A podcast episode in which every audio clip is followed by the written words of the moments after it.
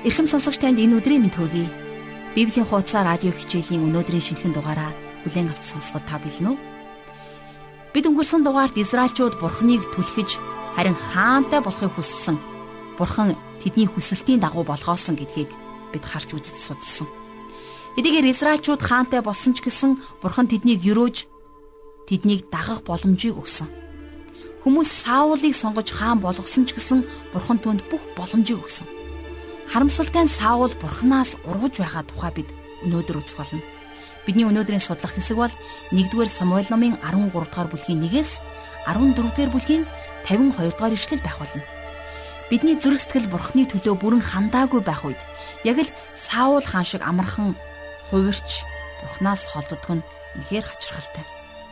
Тиймээс Соломоны бичсэн сургаалт үгс номын 4-р бүлгийн 23 дугаар ишлэлд ийм нэгэн гайхалтай үг байдаг юуны төрөнд зүрхээ хамгаал. Учир нь түүнээс амийн булгууд ундран гардаг юм а гэж Бурхны үгэнд бичигдэн үлдсэн байдаг. Тэгвэл хайр тахтуу нараа юуны төрөнд зүрхээ хамгаалъя. Ягаад гэхээр түүнээс амийн булгууд ундран гардаг, оргилдог байх нь. Хичээлийн ихэнд зүрх сэтгэлийнхаа хамгаалтын төлөө энэ цагийг ариун сүнсэн даатгаж хамтдаа залбирцгаая. Хайртай бурхан аав минь шин боломж, шин ивэл өрөөл болсон энэ өдрийн төлөө би таньда талархаж байна. Бүх зүйл танаас ирсэн бөгөөд таны бидэнд сахилгажуулалт, урам зориг, хүч тэнхээ болсон өнөөдрийн үгийг таны ариун сүнсний моторт өргөж байна. Хичээлийг заах жаргал агшин дээр таны мэрэгэн ухааны удирдамж, таны тослогоо дүүрэн байх болтугай. Харин сонсон суралцаж, сонсон хэрэгжүүлэх, дуулууртайгаар амьдрах итгэгч ахан дүүс бидний дээр таны амар амгалан, таны ивэл өрөөл, таны удирдамж дүүрэн байж бид хэрэгжүүлэх тэрл хүч тэнхээ нөөц боломжоор та биднийг дүүргэж өгөөрэй. Их эзэн минь ээ сургаалт үгс номын 4-р бүлэгт бичсэн байдаг зүрх сэтгэлээ хамгаалахыг энэ л үгийг бариад би таны өмнө залбирч байна. Таны үгнээс өөр юу ч бидний зүрх сэтгэлийг бүү булааг. Бидний зүрх сэтгэлийг бүү эзэмдэг. Тиймээс их эзэн минь ээ таны үгийн тэрл хүч тэнхээ дотор таны үгийн тэрл амьд байдал дотор бид зүрх сэтгэлээ хамгаалтанд өргөж байна Бид зүрх сэтгэлдээ таны үгийг тунгаан бясалгаж амь амьдралаараа хэрэгжүүлэхэд та бидэнтэй ариун сүнсээрээ хамт байгаарай. Хичээлийн энэ цагийг эхнээс нь дуустал бид таны моторт таны таалалд өргөж бидний эзэн Есүс Христийн нэрээр залбирanгуйж байна. Амен. Харин одоо жаргал ах шиг хичээлд анхаарлаа хандуулъя.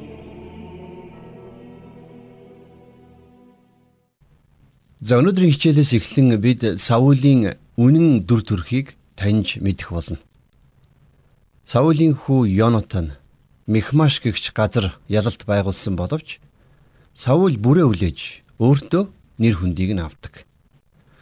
За бас Саул өөрийгөө хаан учраас тахилчийн өрөөнд шууд орж болно гэж эндүрсэн бодолдоо төөрсөн байдаг.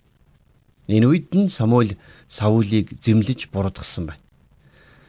Иннээс үүдэн Израилийн ялагдал илт болж эхэлдэг гэх зэрэгээр Одоо үзэх бүлгээс харахад Саулийн тухай урд нь ярьж байсан зүйлс улам илүү сайн ойлгогдох болно. Хаан Саул гаднах байдлаараа үнэхээр хаан байхаар сайхан залуу байсан боловч за тэрний доторх нь энэ хүндэт үүрэгт огт тохироогүй болох нь харагддаг. Өөрөөр хэлэх юм бол тэр зүгээр л утсан хүүхэдтэй аятай л хаан байсан. За ингээд өнөөдрийн хичээлийн эхлэл болгож 1-р Самуэль номынхон 13 дугаар бүлгийн эхний дөрвөн ишлэлийг хамтдаа уншийе. Саул 40 наснда хаан болов. Тэр Израилийг 32 жил захирав.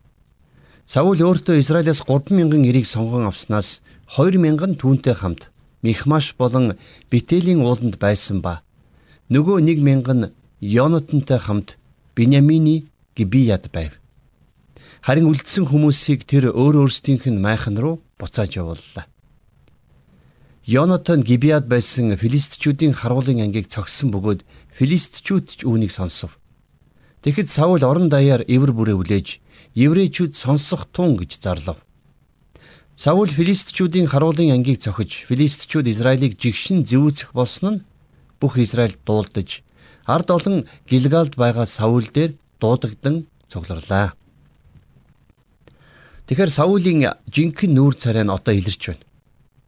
За тэрний тухай бид илүү их үзэж судлах тусам ямар их өөдгүү хүн байсныг нь харах болно.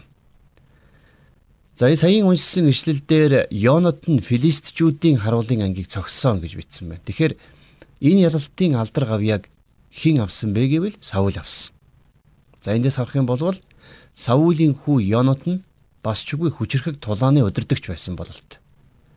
Тэрээр дараагийн удаад ч гэсэн бас маш сонирхолтой төлөвлөгөөг ашиглан том ялалт байгуулж байгааг бид харах болно. А гэхдээ энэ тулалдааны хувьд гэх юм бол Йонот нь тулалдаж харин Саул нэр хүндийг нь өөртөө авсан. За Саулийн ураа бол хин өөрийнхөө бүрээг үлээхгүй байна. Түүний бүрээг өөр нэгэн хүн үлээх болно гэсэн үг байсан байна. Саулийн хүү ялалт байгуулсанд тэр огт цаашаалгүй.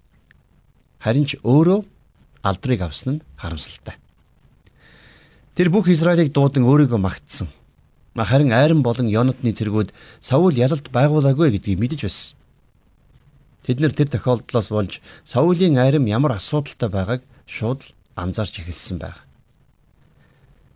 Саул урд нь даруй байдал гаргаж байсан ч гэсэн энэ бүхэн нь хуурамч даруй байдал байжээ гэдгийг тэд нар хожим мэдсгэсэн баха. За тэгээд дараагийн хоёр ишлэлдэр Саулийн сул талыг мэдсэн филистичүүд хэрхэн Израильчууд руу довтолж байгаа тухай хамтдаа харцгаая. За 13 дугаар бүлгийн 5-аас 6 дугаар ишлэл. Филистичүүд Израильтай байлдахаар цугласан нь 30 мянган тэрэгт цэрэг, 6 мянган морин цэрэг ба далайн иргийн элс мэд тоо томшгүй олон явган цэрэг байв. Тэд ирж Бет Авены зүүн зүгт Михмашт хувааргнав. Израильчууд аюулд орсноо цэргүүд хүчтэй шахагдсны улмаас хараад агуй, бут сөг, хавцал газар доорх нүх худагт нуугдлаа. Филистичүүд өмнөх ялагдлаасаа сэхэж улам их хүчтэйгээр Израилийн эсрэг давталсан байна. За 8-9 дугаар ишлэлийг харъя. Самуэлийн тогтоосон хугацаа болох 7 хоног Саул хүлээсэн боловч Самуэль Гилгалд ирсэнгүй. Ард олон түүнийг орхин тарцгааж байв. Тэгэхэд Саул шатаалд дахил болон эвийн тахлуудыг надад энд авчрах төөн гэв. Тэгээд тэр шатаалд дахил тахив. За энд Саулийн тухай бас нэгэн шин илэрхийлэл буюу илчлэлт гарч ирж байна. Тэр өөрийгөө хаан учраас зөвхөн тэрүүн тахилчийн л өргөдөг байсан шатаал тахилагч гэсэн өргөж болно гэж бодсон. За түүний дараагаар бас нэгэн хаан Үзия тахилчийн үүргийг гүйцэтгэх гэж хэрхэн оролцсныг бид дараа дараагийнхаа хичээлээс үзэх болно. Тэгэхээр энэ түүх бол шаштрын дид номын 26 дугаар бүлэг дээр гардаг юм. Бурхан тэр хааныг шүүж улмаар тэр хүн уян өвчтөй болсон байдаг. За өнөөдрийн бидний үзэж байгаа 1-р Самуэль номд ч гэсэн бас Саул шатаалт өргөлийг зөвхөн Левовгийн тахилж өргөх ёстой гэсэн эзний үгнээс зөрчсөн байна. За 10-аас 12 дугаар ишлэлдэр үзэх түн түүнийг шатаалт дахил дахиж дуусмагц Самуэль ирв. Саул түүнийг угтан мэдчлэхээр гарчээ. Харин Самуэль та юу хийв гэсэнд Саул ард олон намайг орхинд харцгаахыг би харж бас тааж тогтоосон хугацаанд ирсэнгүй. Филистичүүд ч Мехмаш цугларсан тул би филистичүүд Гилгалд миний эсрэг одоохон ирэх нь бас эзний тааллыг би гуйгаагүй байна гэд би өөрийгөө хүчилж аргагүй шатаалт дахил тахиваа гэж хариулваа гэсэн байна. За эндээс харах юм бол Саул Самуэлийг хүлээх хүсэлгүй байсан л да. Тэр төвчээр алдаж шууд өөрийнхөөрөө шийдсэн. Тэр өөрийгөө Самуэлийг хүлээхгүй байх гурван том шалтгаан байна гэж дүгнсэн. За нэгдүгüүрт нь тэрээр юу хэлсэн гэхлээр хүмүүс тарж явсан гэсэн. За хоёрдугаарт нь гэвэл филистичүүд юу юугүй түүн рүү дайрах гэж байсан. За гуравдугаарт нь Самуэль жаахан хоцорч ирсэн гэсэн ийм гурван шалтгааныг Саул тооцсон. Ингэснээр Саул нөхцөл байдлыг өөрийнхөө гарт авч тэгээд өөрийнхөө ухаанаар шийдэх гэж оролдсон байна. За тэр ингэснээрээ бусдыг болон за бусад олон зүйлст бурууга чигсэн байна. Саул өөрийгөө хүчилж эзэнд өргөл барьсан гэж хэлсэн. А гэвч тэр худлаа ярьж байсан. Тэрний яриа нь хэдийгээр хүнддэгмээр сонсогдож байгаа ч гэсэн сэтгэл нь хуурамч байсан. За ингээд бид нар жинхэнэ Саулийн дүр төрхийг олж харлаа. Харин Самуэль түүний эдгээр өгсөд нь юу гэж хариулсныг хамтдаа 13 дугаар бүлгийн 13-аас 14 дугаар ишлэлээс харцгаая. Самуэль Саулд та мунхаг хэрэг үлдэв Та бурхан эзнийхээ тань тушаалсан зарлиг тушаалыг сахисангүй. Ингээ хүссэн бол эзэн таны хаанчлалыг Израильд мөнхөд тогтоох байсан. Гэвч одоо таны хаанчлал үргэлжлэхгүй. Эзэн өөртөө зөрсгөлийнхээ дагуу хүнийг хаан олж тэр хүнийг өөрийн ард түмний удирдагчаар томилсон. Учир нь танд эзний тушаасныг та сахин биелүүлсэнгүй гэвэ гэсэн байна. Саулийг анх хаан болж байхад нь эзнийг дагах юм бол өрөөгдөн харин эс дагах юм бол шүүлт ирнэ шүү гэдгийг Самуэль сануулan хэлж байсан. Хаан захирагчд зөвхөн эзнийг л дагах ёстой. Энэ шиг өнөөдөр ч гэсэн манай дэлхий дээр эзнийг дагагч удирдагч нар маш их хэрэгтэй байна. А гэвч тийм удирдагч нар байхгүйгээс болж бид нар маш олон асуудалтай тулж бид нар ард түмний хэрхэн зовж шаналж байгааг харж байна.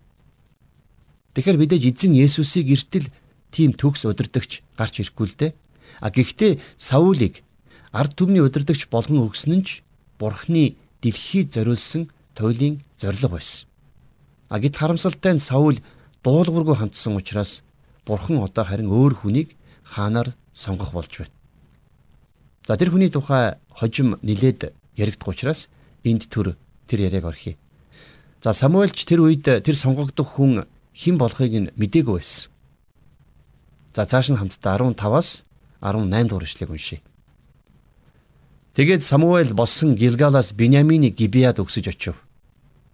Саул өөртөөгөө хамт байгаа хүмүүсийг тоолбол 600-аад ирчүүд байлаа.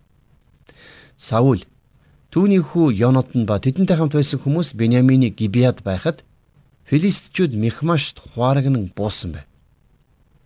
Довтлогч цэргүүд филистичүүдийн хуарангаас 3 анги болон хуваагдж гарав. Нэг анги нь Офрагийн замаар Шуалын газар руу иргэн нөгөө анги нь Бит хорооны замыг чиглэн гурав дахь анги нь Цөлийн зүгт буй Зибоимийн хөндийн хязгаар замыг чиглэн гарчээ. За энд дайн эхлэх гэж байна. Саулийн цэргүүд хүчээр дэндүү дутуу байгаа аюул тэдний өмнө нүрэлсэн байна. За цааш нь 19-оос 21 дугаар эшлэлдэр Израилийн бүх нутаг даяар төмрийн дархан олддгүй байв. Учир нь филистичүүд еврейчүүд өөрсдөө илд жад хийхвэ гэдэг байжээ. Тиймээс бүх Израиль анжис, зэтүү, сүх, хадуураа ирлүүлэхийн тулд филистичүүд рүү очдог байлаа. Анжис, зэтүү, сэрэ, сүх ирлэж засахад Шикелийн 3-ны 2-т тэнцэх үнийг төлдөг байлаа гэсэн байна. За тэгэхээр зэрэг филистичүүд Израильчуудыг яг л ийм аргаар зэр зэвсэггүй за дархангүй болгосон байна. Израильчуудад ердөөл хадлан тариалангийн л багж зэвсэг байсан. Тэднийг эрлүүлэхийн тулд Израильчууд филистичүүдээр очдог заншилтай байсан. Тийм учраас тэдний дайснууд тэдэнд байгаа зэвсгүүдийг нь сайн мэддэг байсан гэсэн үг. За 13 дугаар бүлгийн 22-оос 23 дугаар ишлэгийг хамтдаа харъя. Тулалдааны өдөр Саул болон Йонатантай хамт байсан ард олны хинийхэн ч гарт илдэж жадж байсангүй. Харин Саул болон түүний хөвгүн Йонатанд л байв. Филистичүүдийн харуулын анги Михмашийн гармаар гарлаа. Өрөвдөлтөй байгаа ч зөвхөн Саул Йонатан нарал зэвсэгтэй байсан. За бус цэргүүд нь бүгд сүх мун зэрэг газар тариалангийн зэвсгүүдийг л барьж байсан. Саулийн айрам тулалдаанд иймэрхүү байдалтай орох гэж байна. За тэгэд Йонатан дахиад агуу ялалтыг байгуулдаг боловч Саул нэр хүндийг нь өөртөө авч атаархсан сэтгэлээ илчилдэг. Тэр өөрийнхөө атаархлаасаа болж бүр төрсөн хүүгээж хүртэл алах шахдаг. Харин одоо бидний үзэх 14 дугаар бүлэг дээр Йонатны филистичүүдийн эсрэг ашигласан тэр гайхамшигтай дайны стратеги гарна. Британий нэгэн нэрт жанжин дэлхийн 1-р дайны үед Туркүүдтэй тултгаасан өмнөх оройн энэ бүлгийг уншсан гэдэг. За тэгээд тэрний довтлогоо амжилттай болсон тухай түүх бидэнд хүүрнэдэг. За ингээд Йонот нь ямар стратеги боловсруулж зэр зэвсэггүй хэрнээ ялалт байгуулсан тухай хамтдаа харцгаая. Тэгэхээр Йонот нь хүмүүсээ хадан хавцал дундуурх нарийн гармаар дагуулж орсон. Энэ газар тэрний цөөн зэвсэгтэй хүмүүс тулалдах давуу тал болсон байна. Дэлхийн түүхэнд грекчүүд за бас персийн аримтай тулалдах үедээ маш цөөхүүлээ байсан ч гэсэн яг энэ аргыг ашиглан ялалт байгуулсан байдаг. Тэгэхээр Израилийн хувьд зэр зэвсэггүй бас тооны хувьд дэндүү харьцангуй цөөн байсан нь энэ арга барилыг гол давуу талаа болгож ашиглахад оршсон байна. За ингээд энэ цэрэг дайны нарийн зүйлсийг орхиж эндээс суралцж болох сүнслэг үннүүдийг хамтдаа бүгдээрээ 1-р Самуэль номынхоо 14-р бүлгийн 18 дугаар ишлэлээс хамтдаа уншийе. Саул Ахияд Бурхны явдрыг энд авчрах тун гэв. Тэр үед Бурхны явдар Израилийн хөвгүүдтэй байлаа. За тэгэхээр эндээс харах юм бол Саул гэрэний явдрыг тулалдаан руу авч явах ёсгүй байсан. Израильчууд Самуэлийн үед өмнө нь ийм алдаа гаргаж байсныг бид нар харсан шүү дээ. Тэгэхээр Саулч гисэн тэдний адилаар мухраар сүсгэлж авдрыг аваачснаар ялалт байгуулж чадна гэж бодсон байна. За 14-р бүлгийн 23 дугаар эшлэлдэр ингээд тэр өдөр эзэн Израилийг аварч тулалдаан бит авянаас ч цааш үргэлжлэв. Саул гэрэний авдрыг авчирч алдаа гаргасан ч гэсэн Йонотны тулалдааны төлөвлөгөө оновчтой байсан учраас л тэд нэр ялалт байгуулсан. Тэгэхээр бурхан Йонотонтой хамт байсан гэсэн үг. Харамсалтай нь Йонот нь урт насалж чадаагүй. За бурхан тэр өдөр Израилийг филистичүүдийн гараас аварсан байна. За 14-р бүлгийн 24-өөс 27 дугаар ишлэгийг харах юм бол Тэр өдөр Израилийн ирчүүд ихэд туйлдав. Учир нь Саул ард олноор андгайлуулан оройноос өмнө намайг дайснаасаа өшөө авах хүртэл хоол идсэн альва хүн хараагдах болтугай гэв. Тиймээс ард олноос хинэн ч хоол амссангүй. Нутгийн хүмүүс бүгдээрээ зүгийн бал цуглуулахаар ирцгээсэн ба тэнд газар сайгүй зүгийн бал байв. Ард олон зүгийн үүрлүү очиход харах тун зүгийн бал тусагнаж байсан боловч нэг ч хүн гараа амандаа хийсэнгүй. Учир нь хүмүүс тангарагаас айж байв. Эцэг нь ард олныг тангаглуулсныг харин Йонат нь сонсоогүй байжээ. Тиймээс гартаа барьсан тайгийн үзүүрийг зүгийн балын сархинах дүрж гараа амандаа хийхэд нүд нь гэрэлтэв. Тулалдаанд ялалт байгуулах хүртэл хинч юм идэж болохгүй гэсэн эцгийнхээ хачин тушаалын тухай Йонатан сонссоогүй байсан нь их сонирхол татдаг. Йонатан хэдийн ялалтыг байгуулчихсан байсан. Тэгэхээр эндээс Саулийн жинхэнэ дотоод мөн чанар нь харагдаж байна. Йонот нь ялалт байгуулсан. Харин Саул энэ бүхнийг өөрөө хийсэн юм шиг харагдуулахыг хүссэн байна. Тэгэхээр тэр төрсөн хүүтэйгэж нэр хүндээсээ хуваалцахыг хүсээгүй. Хуваа хийчихсэн довоо шарлуулсан бэртгчин хүн байсан. Тиймээс түүний даруй байдал арилж атаархал аимшигтайгаар цухалдсан байна. За цааш нь 28-аас 30 дугаар ишлэлийг харъя. Тэгэхэд хүмүүсийн нэг нь Таны эцэг ард олныг хатуу тангаргалуулан өнөөдөр хоол идсэн хүн хараагдах болтугай гэсэн бэлээ. Ийхүү ард олон туйлдв гэлээ. Тэгэхэд Йонот нь миний эцэг энэ улсын үүлийг нь үзжээ. Би энэ зүгийн балаас жаахан амсахад миний нүд яаж гэрэлтэж байгааг хардаа. Өнөөдөр хүмүүс дайснаас олж авсан олзноосоо дураараа идсэн байсан ч болоосай. Тэгвэл бүрч олон филист алагдах байсан биш үү гэж хэлвэ. Саулийн өгсөн энэ тушаал бол үнэхээр мунхаг тушаал байсан ард олон хүчээ барж туйлдсан байсан. А гэхдээ л тэд нэр тулалдаанд ялсан. За тэгээд тулааны дараагаар хүчээ сэлбэж юм идэх хэрэгтэй байсан. Харин Саул намайг дайснаасаа өшөө авах хүртэл хинч юу ч идэж болохгүй гэсэн зарлиг дүндэн буулгач. За энэ мөчөд хаан ширээнд суухдаа гаргаж байсан түүний даруй байдал ор сургаггүй алга болсон байгааг та бид нар харж байна. 36-аас 37 дугаар ишлэл дээр Саул эзэн зориулан тахилын ширээ босгов.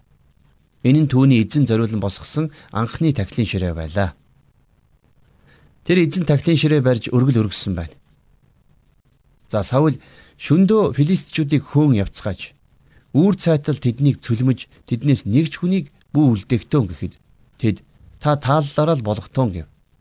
Тимээс тахилж энд бурханд ойртцгоё гэв.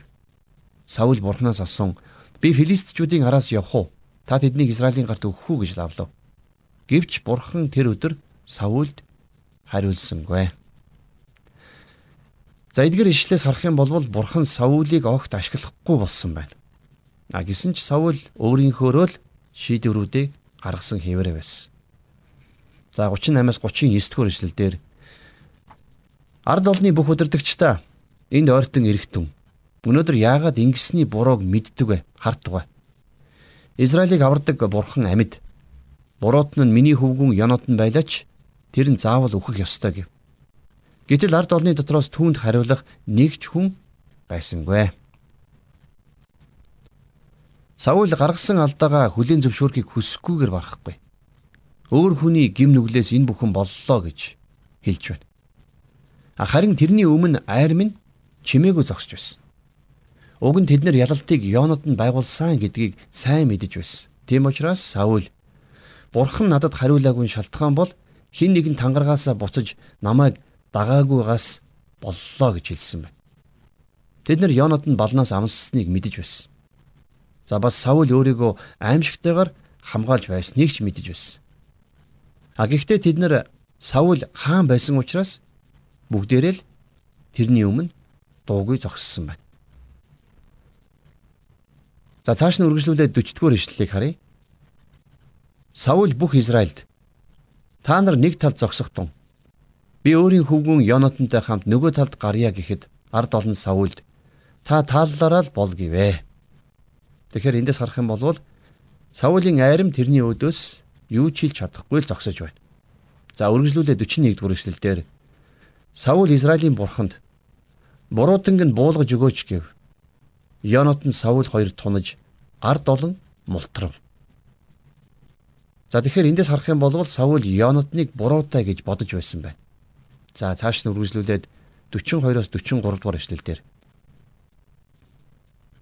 Тэгээд Саул Миний хөвгүүн Йонатан бид хоёрын дунд шавг хай гэхэд Йонатан тунаж үлдэв. Саул Йонатанд юу үйлдснээ надад хэлэхтэн гэхэд Йонатан түүнд би гартаа байсан тайгийн үзүүрдэх жаахан зүгийн балыг зүгээр л амссан. Харах тун одоо би үхэх ёстой гэв. Йонатан Саулийн хүсээгүй зүйлийг хийсэндээ буруутан болсон. Яагаад үг гэхээр Саул энэ өдөр хоол идсэн хүн харагдах болно гэж хэлсэн байсан. А гэхдээ энэ үнэхээр үхэх ёстой шалтгаан байсан уу гэвэл үгүй. А гисэн ч Саул хүүгээ огтхонч өрөвдөөгүй байна. За 44-өөс 45 дугаар ишлэлдэр Саул Йонатан чи гарцаагүй үхэх ёстой. Эсбөгөөс эзэн намайг ийн шийтгэг бүрч илүү гүйлдэг гэж хэлв. Гэвч ард олон Саулд Энэ агуу их ялалтыг Израильд авчирсан Йонод нүхэх гэж үү? Энэ нь хол байг. Эзэн амьд. Түүний толгоон ганц ширхэг үсч газарт үл унаг. Учир нь тэр өнөөдөр бурхамтай хамт үүнийг үйлдэв гэлцэв. Ийхүү ард олон Йонодныг суллан авч тэр үгсэнгүй. Саул өөрийнхөө замаас хүүгээ зайлуулахын тулд тэрнийг алхадж бэлэн байсан байна. Яагад гэвэл тэр хүүдээ атаархаж бүх нэр хүндийг өөртөө л авахыг хүссэн. Энэ үед Израилийн айрам Саулыг дуугүй сонсож зогссон ч гэсэн Йонотны аим аюулд учрах үед тэрнийг хамгаалan инхүү зогсож чадсан юм. За ингэж Саул жинхэнэ өөрийнхөө төрхийг ард түмэндээ харуулчихлаа. Харин хожим тэр бурхныг санаатаагаар эсэргүүцсэн тухай дараа дараагийн хичээлээр бид хамтдаа үзэх болно. Саул Израиль үндэстэнд үнэхээр гайхамшиг авчирсан зүйлийг хийсэн. Бурхан хэрвээ дундуур нь оролцоогүй байсан бол бүх үндэстэн тэр аяараа устж үгүй болох байсан.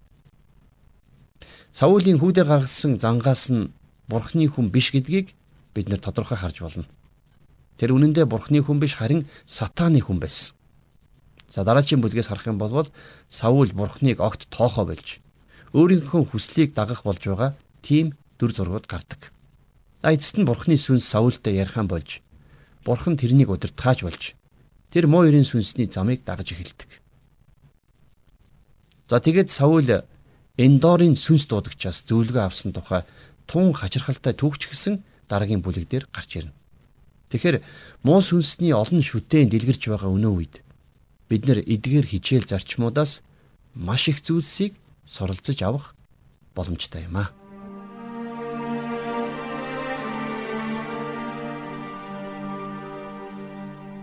Тэгэхэр Саул бурхнаар дуудагдж тослогдсон хэрнээ эрх мэдэлж шунж бүр сохорч тэгэд бүр төрсөн хүүгээж хүртэл алхахад бэлэн байсныг та бид өнөөдрийн хичээлээс харж судалж авлаа.